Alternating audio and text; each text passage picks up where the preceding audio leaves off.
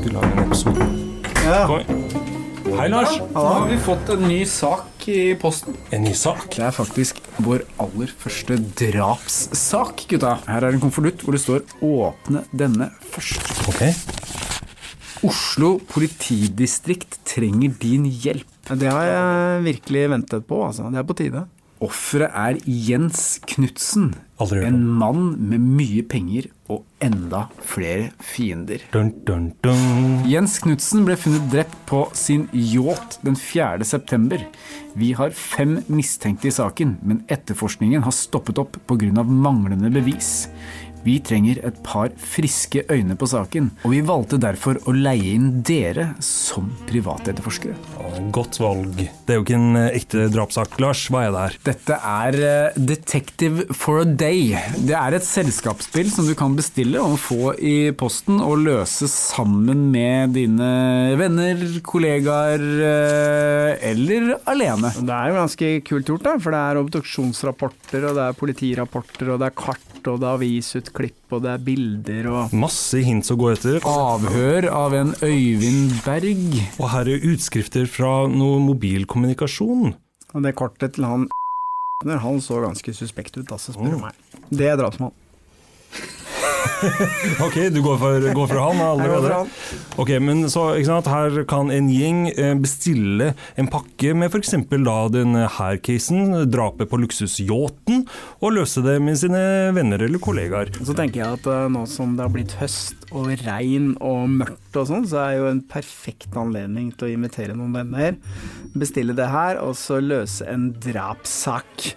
Kanskje med noe ja. godt å drikke i glasset ved siden av. Hvor går man for å få tak i dette her, Helge? Dette bestiller man på detectiveforaday.com Og etter dagens episode så avslører vi hvem av oss som løste dette mysteriet. Eller skal vi samarbeide, eller åssen funker det? Nei, det er jo et spill, vi skal jo konkurrere. konkurrere så okay. jeg merker jo at konkurranseinstinktet, det, det kommer er levende her nå. Ok, men da starter vi dagens episode.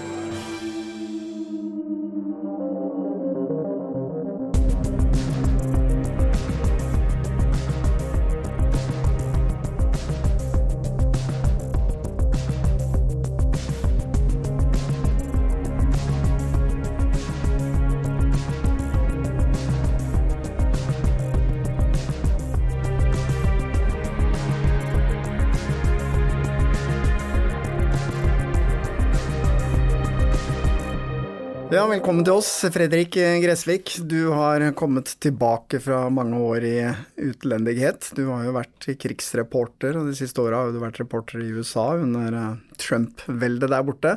Og nå er du også aktuell med en ny podkast som eh, kanskje ikke skal konkurrere med oss, men bli et sånt fint eh, tillegg.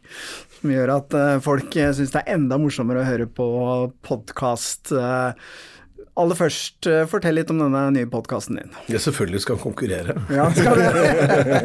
Altså, jeg gidder ikke å gå så defensivt ut i det. Nei da. Eh, jeg gleder meg i hvert fall veldig til å eh, sette i gang med noe nytt. Jeg har holdt på med litt for mye reiseaktivitet de siste 30 åra, så det blir gøy å gjøre noe annet. Jeg trenger å bremse litt ned. Altså, jeg skal ikke inn i pensjonisttilværelsen riktig ennå. Jeg tror jeg venter 20-25-30 år med det. Men, men jeg, jeg trenger å gjøre noe annet som noen andre arbeidsoppgaver. Og nå har jeg fått, det, da, fått muligheten til å lage podkast. Og så er det jo sånn at jeg har reist i 30 år og opplevd og sett utrolig mye. Jeg har mye på hjertet og har elsket å dele det eh, i TV-reportasjer, filmer jeg har laget. Og så er det ofte sånn hvis du ser litt tilbake i historien på norske eh, korrespondenter i NRK, så skrev de ofte bøker. Eh, I motsetning til aviskorrespondentene. Eh, og det samme har jeg sett i, i utlandet. Og det er jo to ting med det. Det ene er jo at uh, du har et mer kjent navn enn avisjournalistene. Og det andre er det at du har liksom to sekunder på deg til å fortelle en god historie. Eller unnskyld, to minutter. Uh, to sekunder var litt, litt, var litt slutt.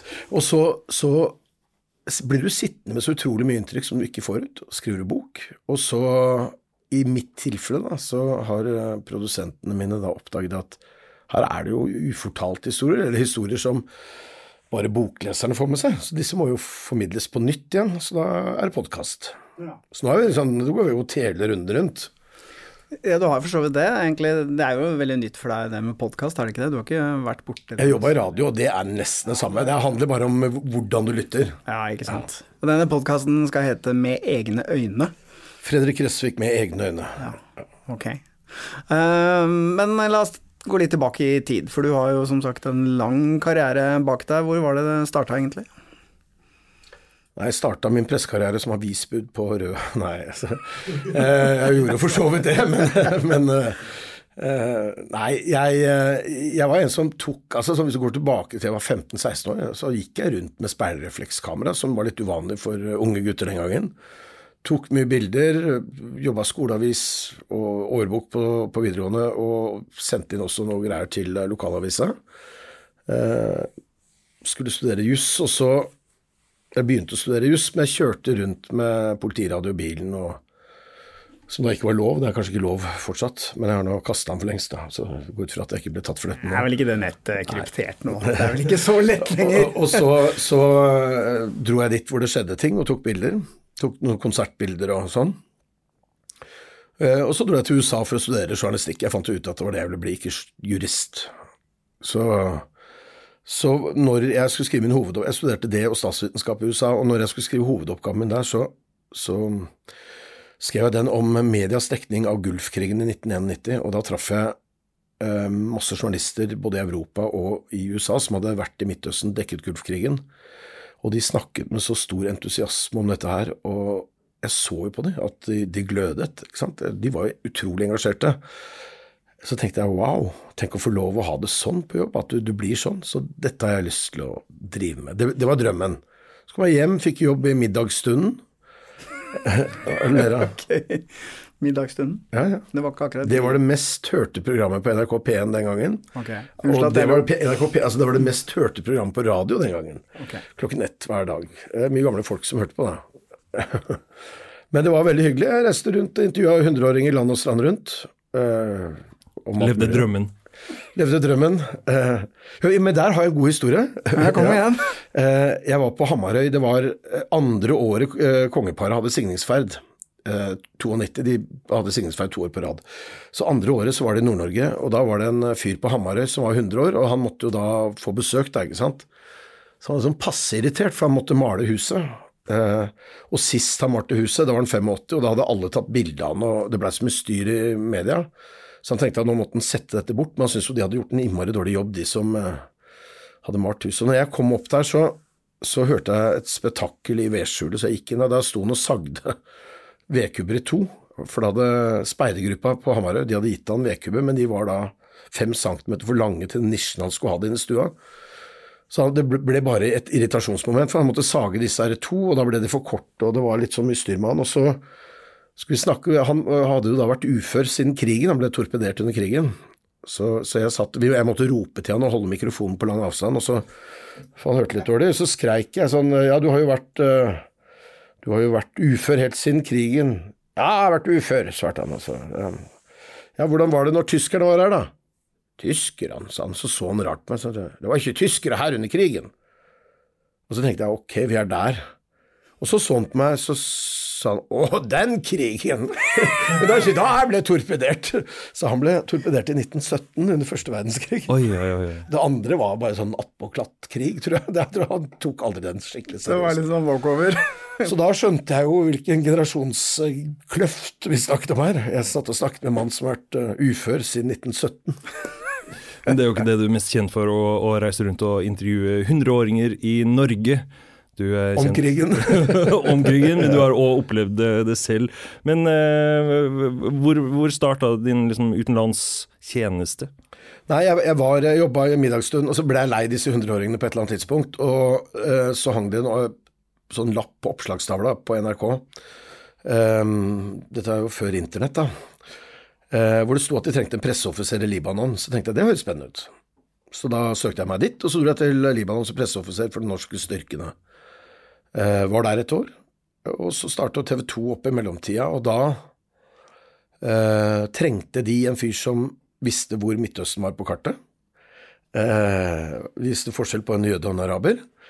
eh, kunne litt om Midtøsten, og som kunne ta seg fram i eh, litt sånn kronglete områder. Kunne logistikken. Da du bestemte deg for å gjøre det her og dra ned til Libanon, eh, da var du sånn i midten av 20-åra. Ja, 25. Hvordan ble det tatt imot eh, hjemme da? Uh, nei, Fattern syntes det var kjempegøy. Han har vært i Gaza selv, han som, uh, som uh, FN-soldat på 60-tallet. så han, han syntes dette var stor stas. og det var jo litt det som Han hadde fortalt mye skrøner derfra, så jeg synes, og det hørtes spennende ut. mora mi syntes det var helt Hun sa bare nei. Men jeg var 25 år da, så jeg trengte ikke, jeg trengte ikke hennes underskrift. på det. Men gjorde du deg noen tanker om det å liksom reise inn i krigssonen og sånn? Jeg tenkte ikke at det var, fordi jeg følte da at det der som var i Libanon, hørte aldri noe om det i media. ikke sant? Det var, jeg tenkte at det var sånn, Folk dro ned dit og kjøpte gull og var korte på håret. Eh, og kom hjem solbrune. Det var litt sånn det var. Det var følelsen. Nei, For det var jo ikke helt sånn. Det var jo Nei, folk jeg kom som jeg våknet til maskingevær i første dag, og det var vekkerklokka de neste månedene. Over et år var jeg der. Eh, og det var sommeren 93 mens jeg var der, så var det beinharde kamper. Så da var det en krig mellom Hizbollah og, og Israel, og vi lå midt inne i israelsk okkuperte sone. Hizbollah angrep hver eneste dag inne i vår sone. Det var, eh, det var heavy shit. Um, og var, jeg reiste til Beirut og, og aleine og drev med noe trykking av magasiner og som velkomstmagasiner til nye, offiser, nei, nye soldater som kom ned og sånn. og bodde på hotell i Beirut uh, første gangen jeg var der oppe, så jobbet på et sivilt trykkeri. Så, uh, så fikk jeg beskjed om at det ikke lønte seg å gå rundt i uniform altså, i byen, fordi da stakk jeg meg veldig ut. Så jeg gikk jo sivilt, da. Med, så jeg har bare sett film. Jeg er ikke utdanna sånn spesialsoldat, men jeg tok noe pistol og putta i bukseledningen og tusla rundt i byen, ikke sant. Ja, du var bevæpnet? Ja. Alle var bevæpna der. Ja, okay. Vi skulle forsvare oss selv. Men altså, jeg hadde ikke noe sted å gjøre av den pistolen, så Men Hadde du fått noe opplæring i å skyte med denne pistolen? da? Ja, kunne skyte. Jeg kunne skyte siden jeg var liten gutt. Ja, Altså, det, ok. Jeg kunne jo brukt den, men jeg har ikke lyst til å gå til krig aleine i Beirut mot Nei, noen. det, det Så det var det var du. Du kom ikke opp i noen sånn situasjon der i sivil Hvor jeg følte at jeg måtte dre Måtte trekke den? Nei, nei, Nei. nei, uff. Det tror jeg ikke hadde gått bra. Jeg måtte bare ha den med meg. Et eller annet sted måtte jeg gjøre den. Og hvor putter du en pistol når du står der i sivile klær? Nei, det er et Godt poeng. Men kan du tenke, kan du huske tilbake hvordan det Altså det? Du er 25 år, du reiser inn i en krigssone, det må ha vært mye adrenalin, eh, redsel, frykt, eller var du helt fryktløs, eller? Nei, altså når jeg var sammen med de andre soldatene, så er det sånn, da er du en flokk, så da føler du deg ganske sterk, ikke sant. Men det var jo episoder hvor det var bombing i nærheten, og det hastet med altså, Sommeren 93, hvor det var en uke hvor det var til tider så intensivt at du ikke kunne sove. og Jeg, altså, jeg lå på senga med skuddsikker vest hvis jeg ikke satt i, i, i kjelleren. Eh, Så det var litt sånn ubehagelig følelse, det kjente jeg på. Men eh, ikke noe sånn stor frykt den gangen. Det har kanskje vært et par episoder. Eh, Men det fikk jeg kjent mye på etterpå, da jeg slutta. Og jeg begynte jo rett i TV 2 etter at jeg kom hjem. Og ble sendt forholdsvis raskt til, til Vestbredden. Eh, og så til eh, Zaire, eller Kongo i dag, da. Og, Rwanda i forbindelse med folkemordet sommeren 94. Eh, og etter det så har det bare gått slag i slag. I, I hvert fall i 25 år, til jeg dro til USA. Siste sånn eh, reise inn i krigssone var, var i fjor sommer, når jeg landa i Kabul. Og skulle lage Jeg trodde jeg hadde noen dager på meg til å lage reportasjer før Kabul ville falle til Taliban, men, men Kabul falt tre timer etter at jeg kom. Ja, så du ble sittende midt i eh, at Taliban tok over? eh. Ja da, det gikk forholdsvis stille og rolig for seg, men, men akkurat på mitt hotell så var, ble det kamper fordi hotellvaktene, som var 100 primært amerikanske ekssoldater, de bestemte seg for å forsvare hotellet med nebb og klør. Så det oppstod, Og så tok de livet av noen Taliban-folk på utsida, så det blei kamper som varte i 20 timer. Men det kom noen briter og ordna opp i dette her, så drakk alle te og ble venner. Og så gikk det seg til. Du, du forteller liksom på en måte som om det, det Ja ja, så var det noen kamper, og så Jo, men det det må jo ha vært litt dramatisk. Det var veldig dramatisk, jeg, og jeg, jeg kjente jo på frykten. Men, men eh, nå gikk det jo bra, da, så jo- det er jo nå jeg forteller om det. Mm. Men det var et tidspunkt der hvor Taliban begynte å kravle over muren. Altså Det er et stort sånn hotellkompleks med masse bygninger eh, som er laget slik fordi det skal være vanskeligere å gjennomføre ett stort bombeangrep som ødelegger mye av hotellet.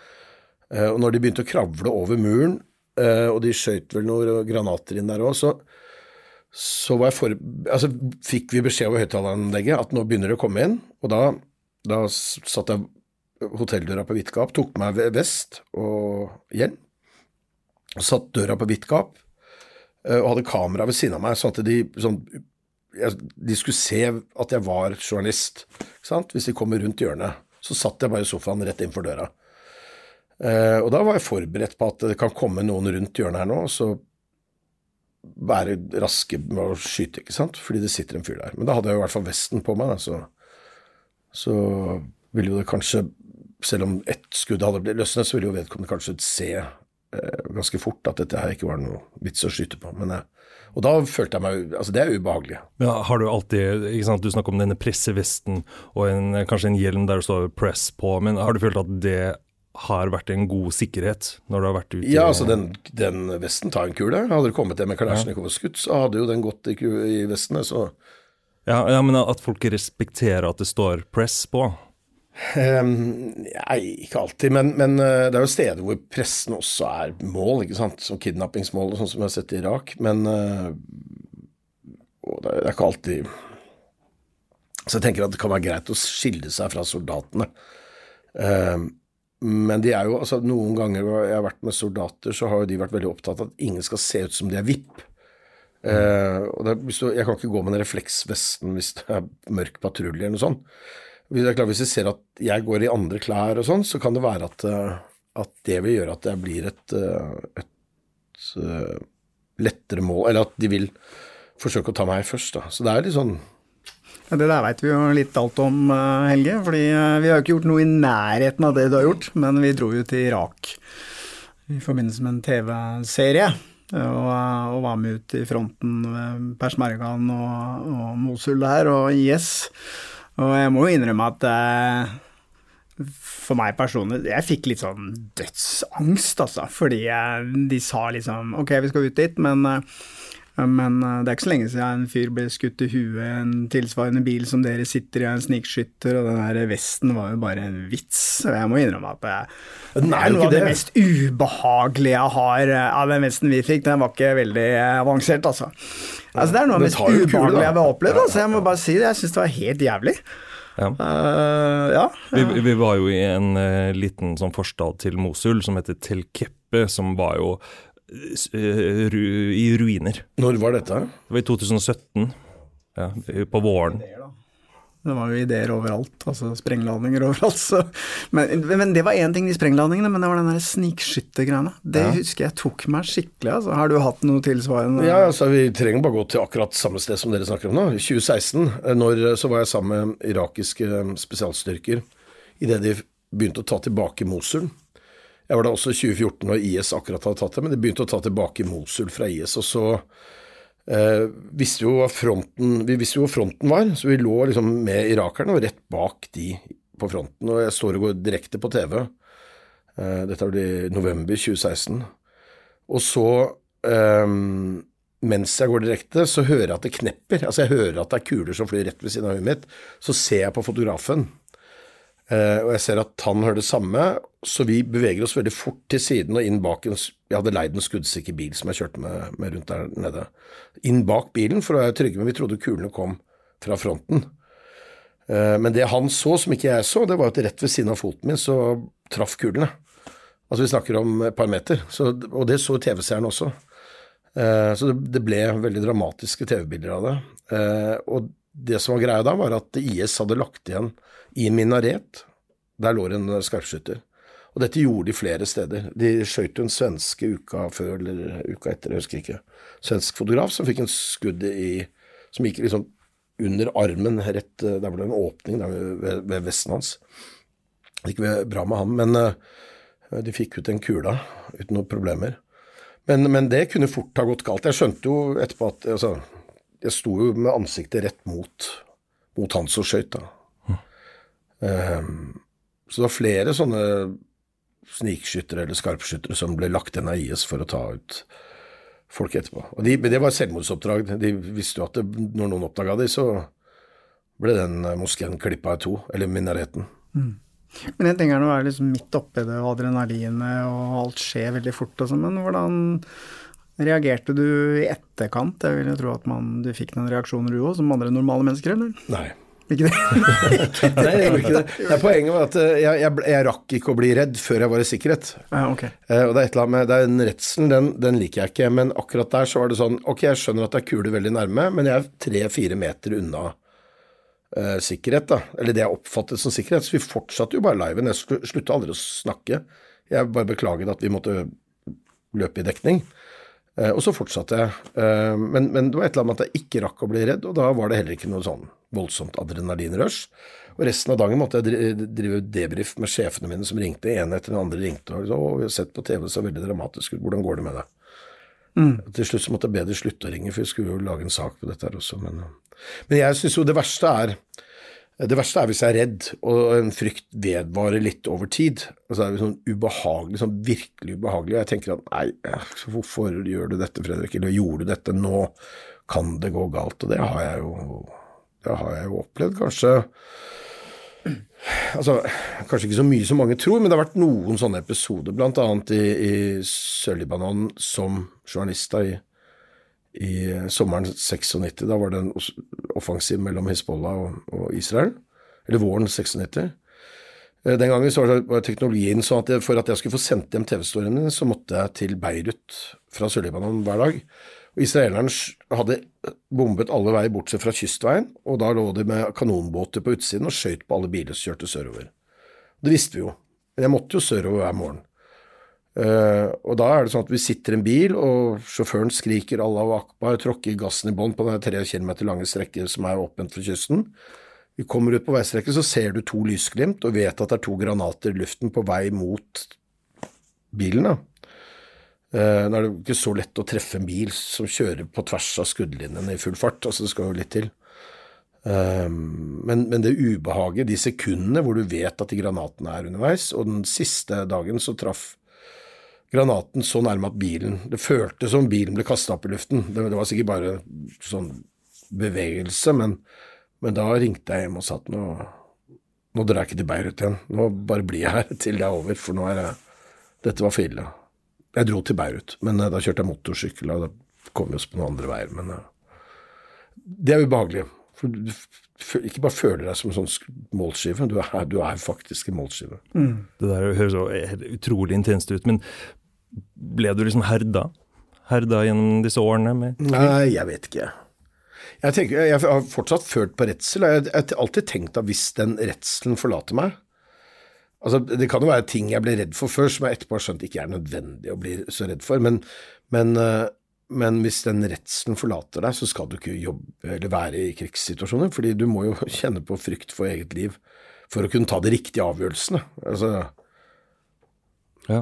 For da, da jeg og Stein Morten var i Irak, så, og vi dro inn dit uh, mot Mosul og var et kvarter fra, fra, Mosul by, så var jo vi to de eneste som hadde skuddsikre vest. Vi hadde jo mange rundt oss der som, uh, som, uh, som skulle passe på oss, men de hadde jo ikke det. og vi så jo til og med noen barn som gikk i veikanten der og plukka blomster på vei inn mot denne forstaden til Mosul. og de er jo vant til å leve i det der, så jeg bare lurte på om du hadde liksom noe Hvis man blir utsatt for det øh, mye nok da, over lang tid, så gjør det jo noe Jo, Ja, men de barna har ikke noe valg, da. De, ikke, de kan ikke være noe annet sted. og de, altså de som bor i krigssoner, sånn som i Gaza, hvor folk er i prinsippet inngjerda. 1,8 øh, millioner mennesker på forholdsvis lite område. Det er ikke noe sted å rømme. Eh, altså du kan få, av og til så får noen beskjed om at dette området blir bombet, så kan de rømme derfra til et annet område. Men når liksom alt blir bombet, så, så gir de litt opp, og så bare er det det. Men, men eh, jeg tror det jeg følte litt på, var at vi stakk oss så veldig ut. Ja. Fordi vi hadde liksom eh, Ja, vi hadde persmergan og livvakt med oss, men jeg følte liksom at jeg var en blink, da. Ja, jo, det, det kan fort være sånn. Mm. Når jeg har vært med amerikanere øh, har vært med amerikanske styrker i Irak. altså Tidlig i Irak-krigen så, så, var jeg inne i eh, Fallujah, som da var liksom, den aller verste byen, sammen med US Marines. To lengre opphold hadde jeg der eh, på noen uker. Og, og, det var jo opphold som eh, altså, Hver gang vi kom ut av leir, så ble vi beskutt. Og da var det også, da fikk vi klar beskjed at vi måtte ha For det første måtte vi ha sånn flammesikker eh, dress, altså sånn kjeledress, som da er eh, beige, ikke sant. Eh, så vi gikk jo likt kledd som soldatene. Og der var det uaktuelt å skille seg ut som eh, Rett og slett fordi vi da antageligvis ville bli sett på som første blinken, ikke sant. Eh, og det var jo vår, hensyn til vår sikkerhet. Um, men det, og der var det altså Det var ikke én dag vi gikk ut uten at det ble Uten at noen forsøkte å, å ta oss. Det var ubehagelig. Men uh, Og det, det, var liksom Det ble brukt uh, RPG-er og, og uh, bomber. Altså Vi kjørte en kolonne på natten hvor en bombe gikk av under stridsvognen som kjørte først, så at den mista beltet, og så sto vi andre fast, og så begynte de å skyte. Og det å sitte inne i en bil, og så treffer det er skuddsikre ruter av panser på bilen, og så treffer kulene ruta ved siden av deg. Det er jo ubehagelig. Ja, Det skjønner jeg. Eh, og så er det jo sånn at de begynte, de begynte, å skyte med RPG på et tidspunkt. og Så kom noen RPG-granater. Eh, og da, hvis de går, treffer vinduet, så går de inn i bilen. Og det er problemet med en eh, pansra bil, er jo da at da blir den som en sånn trykkoker. Så da, altså, da brenner alt og alle som er inne i bilen, bare opp. I motsetning til en ikke-pansra bil, hvor granaten, hvis den går mellom folk, bare forsvinner ut på andre siden. Vi sto der midt på natten, så sier han uh, løytnanten, som da var vognkommandør i den bilen, at uh, han brukte uttrykket 'let's do the RPG dance', fordi vi ble stående fast pga. stridsvognen som sto fast foran. Så det eneste vi kunne gjøre, da, det var å begynne å kjøre fram og tilbake fort på en liten veistrekning, altså sånn fem meter fram, fem meter tilbake. Så det er en såkalt RPG dance. Minner meg om eh, det rådet vi fikk, husker du det, Helge? Ja. At uh, de sa eh, du må, ikke, du må, liksom gjøre det motsatte hele tiden at du har tenkt å gjøre. Hvis du har tenkt å gå fram, så må du gå tilbake. Hvis du har tenkt, tenkt What the fuck? Ja, du må i hvert fall gjøre det motsatte av det de har, tror du har tenkt å gjøre. Ja, ja, ikke sant? ikke være forutsigbar. Men, men ikke så stille. Det er liksom ja. Og igjen, da, det som jeg fortalte i sted med, med kjøringen i altså, blir det skutt mot deg, så løp på tvers av skuddbanen, ikke imot. Så, så, sånn at det er vanskelig å få deg på kornet. Men klarer man å holde hodet såpass kaldt at man tenker skal vi se, nå kommer det noen kuler, hvor er skuddbanen, hvilken vei skal jeg løpe? Jeg tror det. Ja, Du klarer det? Jeg, jeg, jeg kan ikke huske at jeg har uh... Altså, jeg vet jo hvilken retning jeg har løpt hvis jeg har blitt skutt. Uh, og det, altså hvis, det, hvis du skal krysse et kvartal, en vei, og det blir skutt mot den veien, så er det jo altså Hvis du løper på kryss av, og de står et stykke unna på skuddbanen, så er det, det er forholdsvis vanskelig å treffe deg. Så gjør deg så liten som du kan og er rask, så Men har du opplevd noe av det samme som Helge? Jeg prøver stort sett å komme meg vekk hvis noen skyter. Ikke? Ja, det er jo en god idé. Men har du opplevd noe av det samme som du opplevde, Helge? Et uh, minefelt i Irak? Har du tråkka i minefelt? Ja, jeg har vært i minefelt, ja. Hvorfor det? Nei, Vi var jo med noen sånne mineryddere, og så var vi oppe i Nord-Irak hvor det var eh, relativt mye miner, så vi fikk jo streng beskjed om hvor vi kunne gå og ikke kunne gå. Men Helge, han Jeg vet hva han skal frem til. Det er en historie som kommer opp gang på gang. Hver gang vi kommer inn på den Irak-historien, så eh, skal det handle om den dagen vi var oppe i minefelt, og så hadde dagen kvelden før vært å kjøpe en, kebab som var kjøpt på en fin restaurant, men som ikke var fin eh, inni seg. Ja. Ja. Jeg skjønner nå noe, men, men, men, måtte du gå ut i minefeltet, da? vi var i minefeltet, og det kom bare så akutt. Ja. Og det, det, jeg måtte uh, Poenget mitt er jo at i akkurat det tilfellet der så brydde ikke Helge seg om minnene, for å si det sånn. Da var det noe som var høyere prioritet. Så spørsmålet mitt er har du opplevd noen situasjoner hvor eh, ja, magen har skåret seg, eller et eller annet hvor du egentlig bare har glemt alle farene rundt? Det er liksom det Jeg har opplevd at magen har skåret seg. Jeg har vært mange rare steder og spist mye rart, men, men, men jeg, har, jeg, jeg, jeg, tror aldri jeg liksom Jeg tror fortsatt jeg har en prioritet på øh, om jeg vil liksom. Ja, Du har vært i en komfortabel situasjon hvor du hadde hatt Jeg tror fortsatt jeg prioriterer livet framfor buksa. ja, Det var ikke sånn at jeg ble dårlig og så løp ut på minefeltet. Vi var allerede i minefeltet. Ja, ja, og så helt Så eksploderte det? Ja, ja det, det, det, det, var ingenting. Å, å altså, det eneste minefeltet jeg beveger meg i, det er, det er på sosiale medier. Så ja. Ja, la oss snakke litt om det. Neida. Det syns jeg var en god radiofaglig overgang. For jeg har jo fulgt deg sterkt. Jeg har fulgt deg i mange år på, på Twitter og fulgt meg og sett at du eh, du har jo fått litt juling, og det har jo vært mye Det har jo vært litt eh, Ja, litt styr. Jeg tenker hele tiden Jeg er glad det ikke er meg som får all den kjeften. Nei, men jeg er dum nok til å krangle. Altså, folk har jo sett at jeg lar meg fyre opp, og det er jo liksom Det funker jo ikke. For da sitter de jo bare der og Ikke sant? Ja, koser seg. Så det er jo tingen er bare å ignorere det. Jeg skjønner jo det, men uh, uh, Nei, det har vært mye kjeft. Altså, jeg, jeg, jeg oppdaga det første gang under uh, Twitter. Altså, jeg, jeg, fikk jo altså, Helt fra 1994 så har jeg fått brev med skjelvende håndskrift fra Sør-Vestlandet fordi jeg dekket Israel-Palestina-konflikten.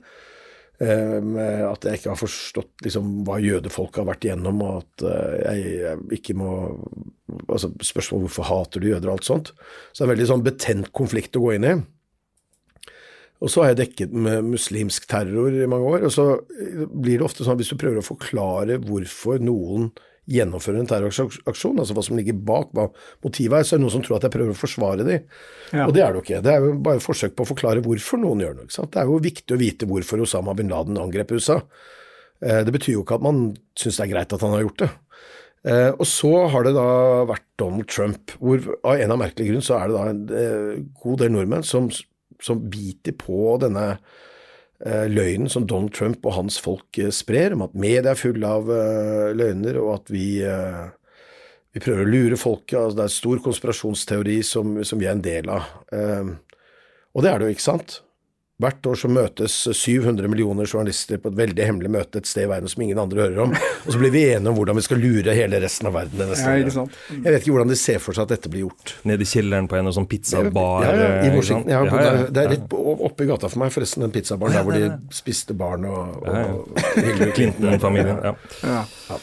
Nei, så, så, det er jo litt sånn nei, Det kommer mye pepper da på sosiale medier, og så har jeg svart litt.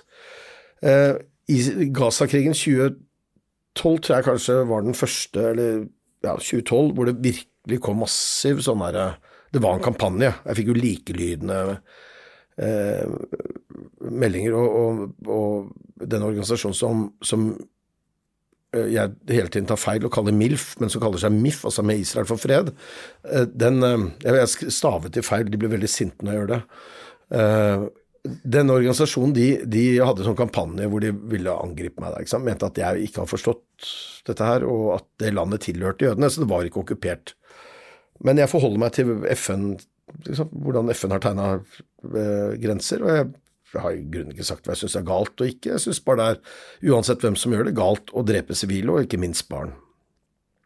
Men da kommer det sånn hvis jeg sier at 550, eh, eh, sånn som i 2012-krigen var det vel, 550, eller 2014 550 palestinske barn er drept i denne krigen, og ett israelsk barn, så er det eh, viktig fordi det viser noe om maktforholdet mellom de krigende partene.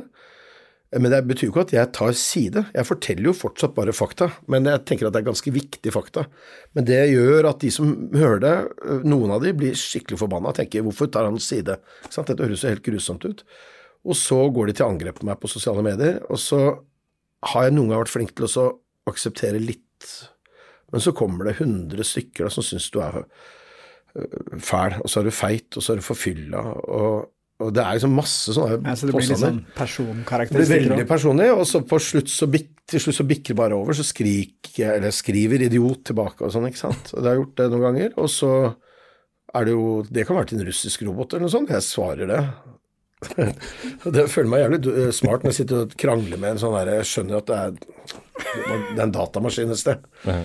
uh, og det er, sant, Når jeg sier russisk robot, så er det fordi vi vet at russerne bl.a. er ute etter å diskreditere, eh, diskreditere eh, vestlige medier. Og det gjør de ved å liksom, gå til angrep, og så får de med seg virkelig folk på dette. Mm. Men at jeg gidder å la meg hisse opp av eh, de folka jeg kaller idioter, det skjønner jeg ikke. Og det er så mange som er glad i meg, som sier hvor kan du ikke bare la det der være? Mm. Du har ikke lært deg å telle til ti? Nei, men jeg, jeg, gikk, jeg, har gått av Twitter og Facebook en del. Jeg har vært ganske sånn passiv de siste to åra. Mm. Det har jeg. Uh, etter en episode med Jon Helgheim for to år siden, så uh, så syns jeg det blei så ubehagelig, fordi han mente at TV 2 burde sparke meg. Og uh, fordi jeg sa at vi ser nå at Donald Trump er i ferd med å angripe det amerikanske demokratiet. Jeg føler at jeg står ganske godt i den, da. ja, sommer, dette var sommeren 2020, og han mente at TV 2 måtte sparke meg fordi jeg sa det. Eh, fordi jeg da tok side. Men vi så at han forsøkte å angripe det amerikanske demokratiet. Det var jo, og det, jeg tenker at det er min oppgave som uh, korrespondent å si fra om at her ser vi et demokrati som sliter. Um, Jon Helgheim mente at jeg ikke skulle gjøre det, og Jon Helgheim sitter også på Stortinget, eller satt på Stortinget. Han ble ikke valgt inn igjen. Han satt på Stortinget og var en av de som bestemte konsesjonsvilkårene til TV 2, og forlanger å få meg sparket. Og Da tenkte jeg ok, dette kan ikke jeg være med på. Jeg kan ikke ta til motmæle. Jeg kan ikke liksom Jeg vil ikke ha en diskusjon som, som vil gå utover arbeidsgiveren min. Det er ganske drøyt da, når du sitter i en sånn type rolle og så prøver å Ja, han fikk jo ganske mye pepper for det etterpå, fordi, fordi han har jo øh, Han gikk jo langt i å Ja. Det er flere som har spurt om han ville be meg om unnskyldning etter at vi så hvordan Trump oppførte seg etter at han tapte valget, men fortsatt har hevder at han vant. Uh, men da mente han at jeg ikke kunne forstå det på det tidspunktet jeg skrev at Men det er derfor man har korrespondenter. Mm. Jeg er sikker på at det var korrespondenter som sa fra våren 1939 og høsten 38 at, uh, nede i Berlin at her skjer det ting som vi må passe på, at, og som sikkert fikk kjeft for det også. Det har jeg sett filmer om, så det er helt riktig. Det var mange som prøvde å si fra uten at de nådde fram. Det, men eh, hvordan var det å være i USA under Trump, da? Var det Det var helt fantastisk. Altså, det er jo noen av de flotteste årene jeg har hatt. jo, men så, altså, Som journalist så var det jo liksom, Donald Trump er jo en gave. Altså, det må jeg bare si. Uh, I hvert fall til journalistikken. Uh, og for å skape engasjement rundt amerikansk politikk. Altså, hallo. Uh, jeg trodde jo, i likhet med en del rundt meg, at hvis jeg ble plassert i en sånn jobb, så ville jeg savne det å reise ut i krigen for å få adrenalinkick og sånne ting. Men dette er jo helt rått. Altså, jeg, fikk, jeg skulle være der noen uker eller et par måneder, og ble i fem år. Uh, og de fire årene med Donald Trump var jo fra morgen til kveld. Altså, jeg jobbet hele tiden, og det var hele tiden noe nytt. og du visste etter hvert at uh, han kommer til å overgå gårsdagens greie. Altså, det, det, stopper ikke. Det er ingen grense for hvor han, hvordan han drar til i forhold til politiske motstandere, og hvordan han var på Twitter. Han ble pælma ut der etter hvert, da. Men, uh, uh, men, det var så rått og brutalt å se det samfunnet der Altså, det er politisk meltdown, ikke sant? Det smeltet ned. Det var stygt å se på det. Eh, den, den, eh, den, politiske retorikken som spesielt Donald Trump kommer med, måten han omtaler sine politiske motstandere på, som er helt absurd. Vi snakker om en president som, eh, som liksom, når han blir sint på noen, tar middagstallerkenen sin og kyler en hamburger i veggen på det ovale kontor, så ketsjupen renner nedover veggen. Altså, hvis, hvis, det er den respekten går inn i det ovale kontoret med, da, da, da tenker jeg at da har du vel strengt tatt ikke noe særlig der å gjøre. Eh, så, så han, har jo, han, har jo, bidratt til å forsøple den, eh, den, politiske retorikken ganske kraftig. Og så ser vi at det hardna til på den andre siden også. Det, det, er, ikke, det er ikke bra. Når han forsto at uh, han, skulle, han trodde at han kunne gå til gjenvalg på god økonomi og høye børstall. Og når pandemien kom og bare slo knockout på hele strategien hans, så, så, så, gikk han altså til noe skritt som var helt vanvittig i forhold til å be folk drikke blekemiddel og til å sole seg innvendig uten mm. å forklare hvordan de skulle få sola inn i kroppen. Og eh, sånn Ikke ta vaksiner som han selv tok, og ikke gå med munnbind. Det var sånn, det var sånn Ja. Og mens det lå folk og døde på gata i New York. Ja. Men det, det som er så rart, er at det her budskapet hans gikk hjem hos så mange. Ja, hos noen. Ja, men, det, det, det, ja, fremst, ja, jeg tenkte ja, kanskje hos noen, men uh, man så jo liksom etter en storming av Kongressen og sånn, hvor mange gærne folk det faktisk er der borte. Og som, som gjorde da at han faktisk klarte å bli president. Jeg, og jeg jobbet jo ikke med det amerikanske valget i 2016. Men det jeg og mange av mine kolleger ikke så, var jo det derre eh, enorme hatet, altså måten amerikanerne hatet Hillary Clinton på. Mm. Vi hadde jo opp, opplevd eh, Hillary Clinton som førstedame, og som en førstedame som var ganske smart, fikk eh, ansvar for en del ting når hun var gift med Bill Clinton. Og en førstedame som på en måte holdt hodet høyt mens Bill Clinton sto i verdens nedrigste sak med Monica Lewinsky, ikke sant. Virkelig tatt buksen nede, måtte detaljforklare seg hva han hadde holdt på med. Så sto hun oppreist. Og så, så har Hillary Clinton en forhistorie som ikke vi i Norge og mange andre europeiske land ordentlig forsto, det er at hun er liksom hun er en av røs, de, de, de, største og mest profilerte rødstrømpene fra 70-tallet. Eh, og med det så har hun ganske mange mennesker som liksom ikke kan fordra henne, som, som uh, lå der. Og det, det hatet, pluss uh, sånn generelt uh, politikerforakt, og denne oppbyggingen som TV-kanalen NBC gjorde av Donald Trump under, under The Apprentice blir bygd han opp til sånn verdens smarteste forretningsmann. Og han, han, produsenten fra NBC han gikk jo ut etterpå, etter at han ble valgt, og sa beklager. Altså, jeg har skapt et monster. Dette er liksom Det var bare et show, det var ikke meninga at ja, han skulle bli tatt? Ja, det er da ingen, ingen vellykket milliardær som hadde brukt, kastet bort tiden sin i 20 sesonger eller hva det var, og vært med på et show som dette. Vi fant jo en fyr som bare hadde utrolig mye penger som var arvet fra faren sin, og så satte vi i gang med dette showet. Og en fyr som satt der med en sånn voldsom patos og, og, og, og tror han er verdens beste. Eh, og det budskapet har jo gått hjem hos amerikanerne. Mm. Og, og, fortsatt så regnes han som mektigste mann i, i, i, det republikanske partiet. Eh, fordi man ikke turte å ta et oppgjør med ham eh, ettertid. Men hvordan står det til egentlig med det amerikanske demokratiet nå? Nei, Det er jo spennende å se. Nå er det jo snart valg. Vi ser jo at det ligger sånn omtrent likt akkurat nå, eh, demokratene og republikanerne, i forhold til Så begge, begge kan få flertall. Eh, de har havnet i en situasjon hvor de måtte velge en ganske gammel president. da. Uh, og han, må jeg si, jeg fulgte han i valgkampen i 2020, og bare i løpet av et år så så jeg hvor utrolig gammel eh, Biden ble. Uh, jeg vet ikke om han virker noe mer forvirra enn han var før. Jeg ser at man, Hvis man liksom ser på de bildene han ikke vet hvor han skal gå ut og sånn, så men det kan man sikkert finne med andre også. Men, men han uh, Du snakker om etter han har holdt en tale, f.eks., så finnes det forskjellige videoer på YouTube hvor han da tilsynelatende hilser ja, ja, ja. i løse luften og ikke vet hvordan han kommer seg ned fra en scene. Ja, Det ser jo ikke så bra ut. Men mm. uh, jeg tenker jo at han sikkert ikke kommer til å ta igjen valg, men, men ingenting vil bli sagt før mellomvalget i november. Uh, så etter det så får vi vel høre hva planene er videre framover. Eh, det er ikke sikkert han sitter perioden ut heller. Hans mål var jo bare å være den personen som kunne slå Donald Trump. Det sa han jo veldig tydelig. Eh, men jeg tenker at eh, amerikansk politikk er ødelagt av den retorikken som har vært. Og så er det jo slik da, hvis republikanerne har tenkt til å vinne presidentvalget igjen, så må de få tilbake velgerne som rømte, altså de som er i midten, som ikke vet hvem de vil stemme på. Og Donald Trump er ikke i stand til å få de over. Så de må ha en annen kandidat. Men de har masse flinke politikere som, som kan uh, gå løs på den oppgaven og kanskje klare å vinne, få tilbake en del velgere, og samtidig stryke Donald Trump såpass med hårene at han sier til sin kjernegruppe på 12% eller hva det er, at dere må stemme på dette er en bra kandidat. Men det er mange rettsprosesser nå som, som, Donald Trump sliter med.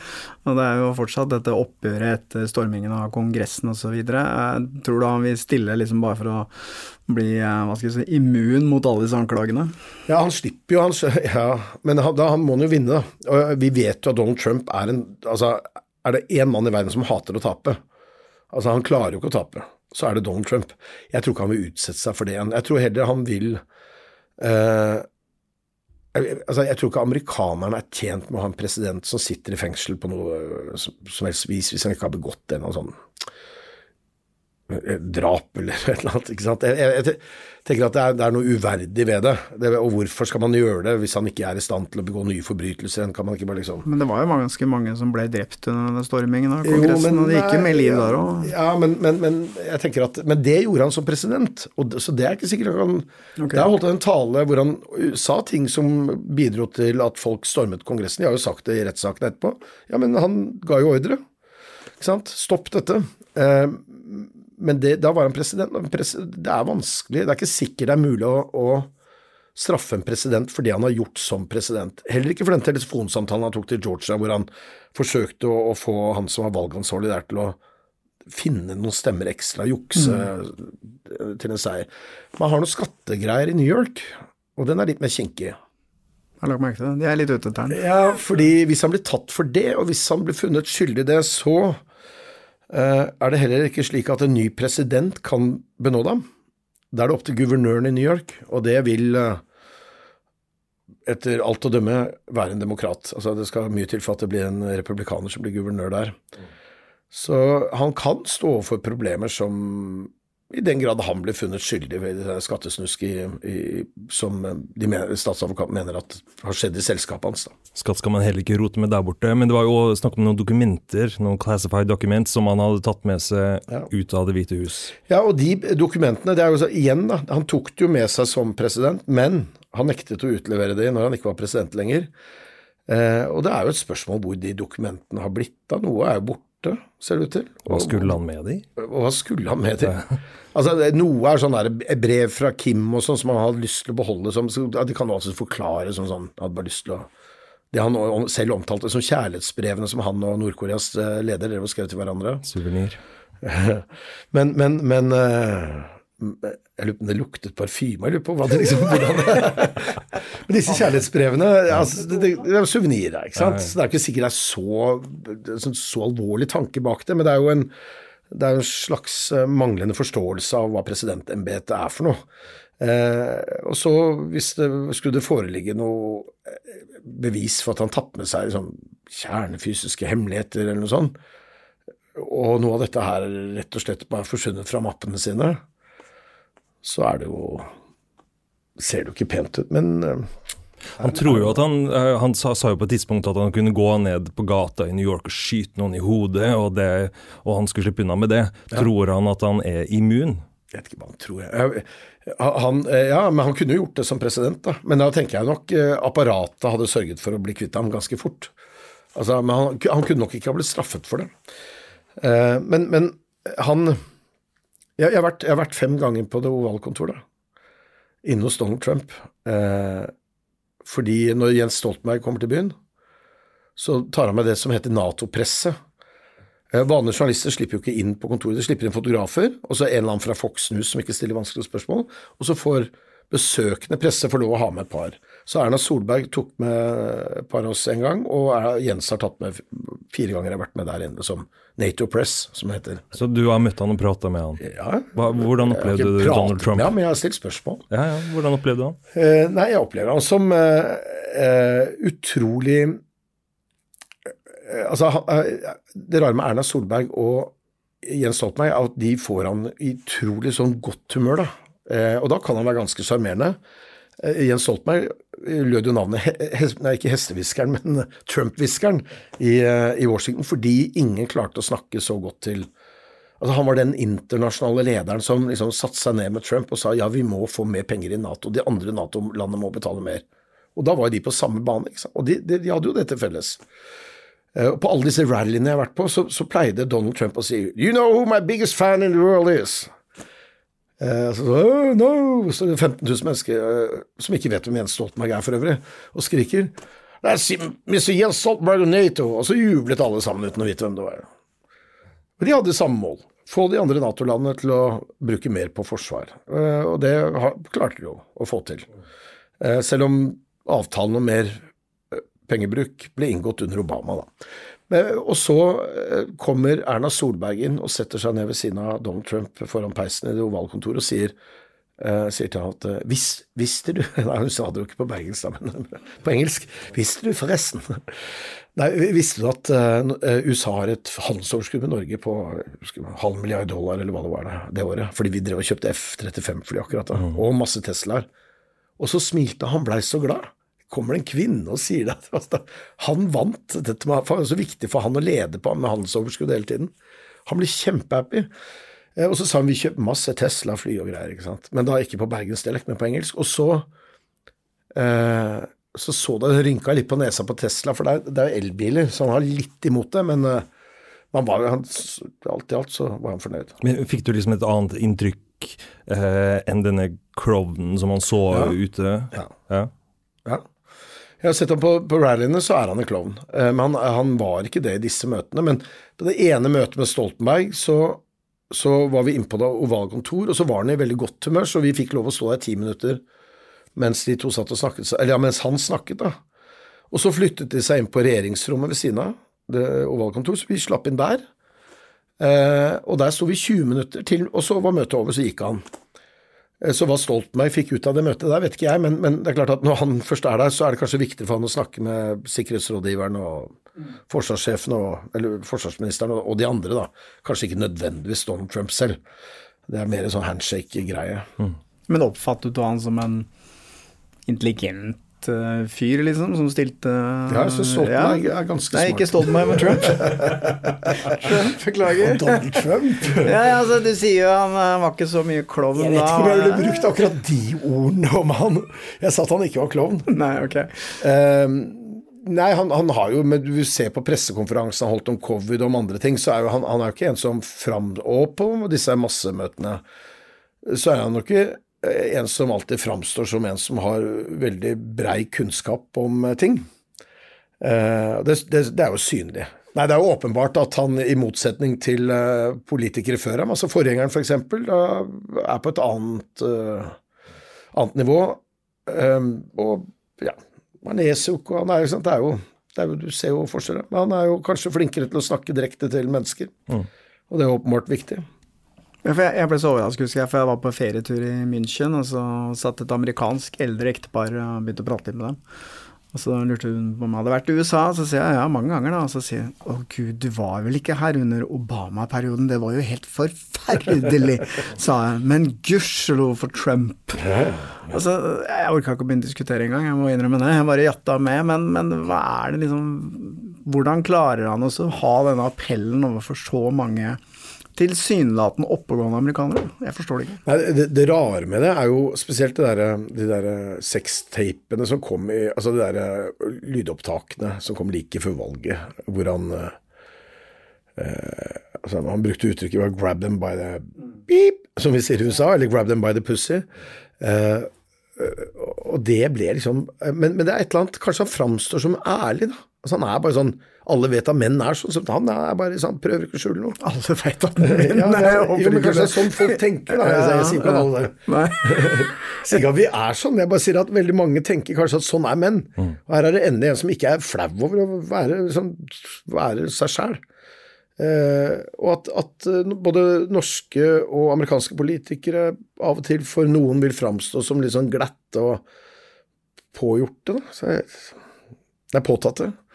De skulle jo stille Bill Clinton for riksrett pga. denne affæren med Monica Lewinsky, men med at han holder på Men han ble jo innmalt, Husk på det. Ja, det er for så vidt riktig. Eh, så det var jo, altså det, var jo eh, det, som, det som mange sa, amerikanere sa da når han ble innmalt det var jo at eh, amerikanske menn tenkte jo da om Bill Clinton Yes, that's my man! og amerikanske kvinner var sånn «Hmm, Det er presidenten sin, det. Så ja, okay. det er- så, så det er liksom ikke så puritansk og Jo, men de puritanske vant ikke, det, og pluss at det var demokratene som skulle velge han. Så. litt mer liberale. Det var to uker som ble til fem år i USA, men uh, nå er du tilbake i Norge. Ja. Jeg hørte rykter om en bag. Bag. Mm. ja. Den bagen som eh, alt Nå står den på lager, Ja. får den til uka. Ja, det er en bag med, med, som liksom har forfulgt meg gjennom karrieren, med skuddsikker vest og førstehjelpsutstyr og hjelm og satellittelefon og en del sånn nødutstyr. Og den har alltid passa på å ha ferdigpakka, altså, at jeg kan raske den med meg i full fart. Og det oppdaget jeg i USA etter et par år, at uh, den, da lå den under seng, så slutta jeg å lade batteriene på telefonen, og så var det en sånn Akkurat som jeg har tatt av meg en svær ryggsekk, eller svær bag, da. og og jeg, jeg følte Det tok litt tid før jeg forsto hva det var, men det var en lettelse over å slippe å tenke at jeg skulle bli kasta ut i en krig i morgen uten å liksom Ja. Det håper jeg at jeg slipper. For nå er du ferdig med Jeg er reisen. ferdig, jeg er ganske ferdig med det. Jeg var på reise nå for TV 2 et par uker nå, eller halvannen uke, og det var hyggelig å være ute igjen. Men det er en stund siden sist, og jeg trenger ikke drive med det så mye. Jeg synes det er Så du kommer ikke til å kjede deg i Oslo? Ja, det veit jeg ikke. Nei? Du er ikke redd for det? Nei, jeg, jeg, jeg er veldig komfortabel med den avgjørelsen at jeg ikke skal reise. Det er, det er jo ikke noe Jeg har prioritert jobb hele tiden. Skjøvet alt annet til side. eh, Og det er ikke bra for meg. Det er ikke bra for folk rundt meg. Og det gjør også at jeg liksom har ikke tatt tid til å bygge opp det nettverket jeg burde hatt i min alder. Jeg har ikke hatt tid til å prioritere familie, kjærester ja. Datteren min er ikke Altså, alt er liksom nedprioritert. Um, og det er jo ikke bra. Det er jo ikke en god følelse, det. Uh, så må, nå skal jeg bruke tida på å rette opp alt dette her, da. tror jeg. Vi får se. Og det, får, får man høre om det i podkasten din? Nei, ikke denne her. Nei, nei. Nei, Denne skal handle om det jeg har opplevd. Eh, nei, altså, jeg har jo et håp om at livet skal bli litt kjedeligere. Eller, ja Jeg vet ikke. Ikke kjedelig, men Jeg vil gjøre noe annet. Jeg, jeg, jeg tror ikke jeg, jeg tror jeg har tynt det litt for lenge. Jeg, det også, jeg har holdt et utrolig høyt tempo. Jobbet helt sinnssykt mye. I USA så var det helt meningsløst mye. Eh, og i årene før det, når vi fikk, eh, vi fikk jo arbeidsmiljølov etter hvert i TV 2 også, eh, og, da begynte det å begrense hvor mye vi fikk lov å jobbe. Også når vi var ute utafor EØS, så var det jo sånn Da er det jo egentlig ikke noen regler, men da er det opp til arbeidsgiver liksom, hvor mye vil de egentlig at du skal jobbe. Og når vi var ute i krigssoner, så kunne vi holde på i ukevis, og så var det hjem, og så jobbet vi med noe annet. Men, men så fikk, satte de foten ned og bestemte seg for at du, nå må dere avspasere. Så da begynte jeg å skrive bøker, så da kom det fire bøker på fire år. Så, så fikk jeg USA, da. Så jeg har jo Ja. Men jeg elsker, elsker jo å jobbe. Eh, så jeg, de, noen må jo stoppe meg. Altså, hvis ikke så Jeg kan jo gjøre mange ting nå. Her. Lage podkaster, f.eks. Ved siden av Så er det jo masse muligheter i forhold til Kompani Lauritzen, kan du være med på kanskje? Skal vi danse? Jeg- Skal vi danse? Altså, jeg gidder ikke rekruttskolen en gang til. Jeg har liksom, det er gjort. Så det er Det er uaktuelt. gjort. Jeg har til og med vært offiser, så jeg, jeg tror kanskje det, det vil skjæres ganske fort. Men, men uh, uh, Skal vi danse har det kommet noen forespørsler om, ja. Uh, men så har jeg tenkt, vil jeg være han litt overvektig, litt trangt trikot, som blir stemt, og som ikke kan danse, jeg, det kan jeg virkelig ikke, som ikke kan danse, som blir stemt videre bare fordi folk syns det er jævla gøy å se på. Og så kommer du nesten helt til slutten av før, før du blir kasta ut, og så går folk og fniser når de ser deg de neste fem årene. Det kan jo være en fin mulighet til å komme i skikkelig god form, da, for det er mye trening, er det ikke det? Men jeg kan, da kan jeg sikkert finne på noe annet. Finne på noe annet. Ok. Du, eh, nå er vi Ja, vi har god Vi har holdt på lenge, vi nå. Så jeg tenker vi får eh, wrap it up. Du har jo din egen podkast som skal ut, så da kommer jo mange historier som du ikke har delt med oss her nå. Gleder jeg meg til å høre. Når er den av premiere? Den har premiere onsdag 20... Det er i dag. Faktisk i dag kan du høre med Fredrik Gressvik. Det ligger to episoder ute nå, og så kommer de på løpende bånd i tida framover. Ja, Hvis du går over oss på listen, så kommer vi til å bli litt sure. Det er Så da blir det noen sure meldinger på Twitter. ja, jeg får se på disse listene. Kan vi få komme i din podkast? Vi har en spennende historie fra et minefelt i Irak vi kan fortelle.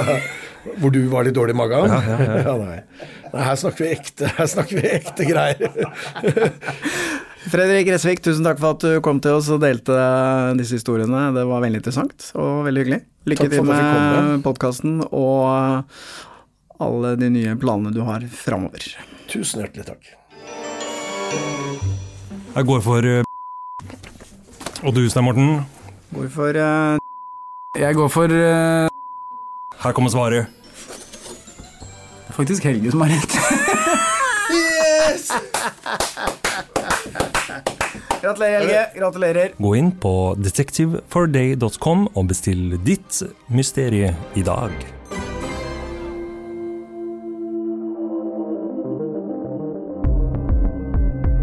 Avhørt er produsert av Batong Media. Redaksjonen vår består av Stein Morten Lier, Helge Molvær og Lars Christian Nygårdstrand. Temamusikken vår er laget av Altered States, og hvis du vil høre eksklusive episoder av Avhørt, gå inn på podmy.no, eller last ned Podmy-appen.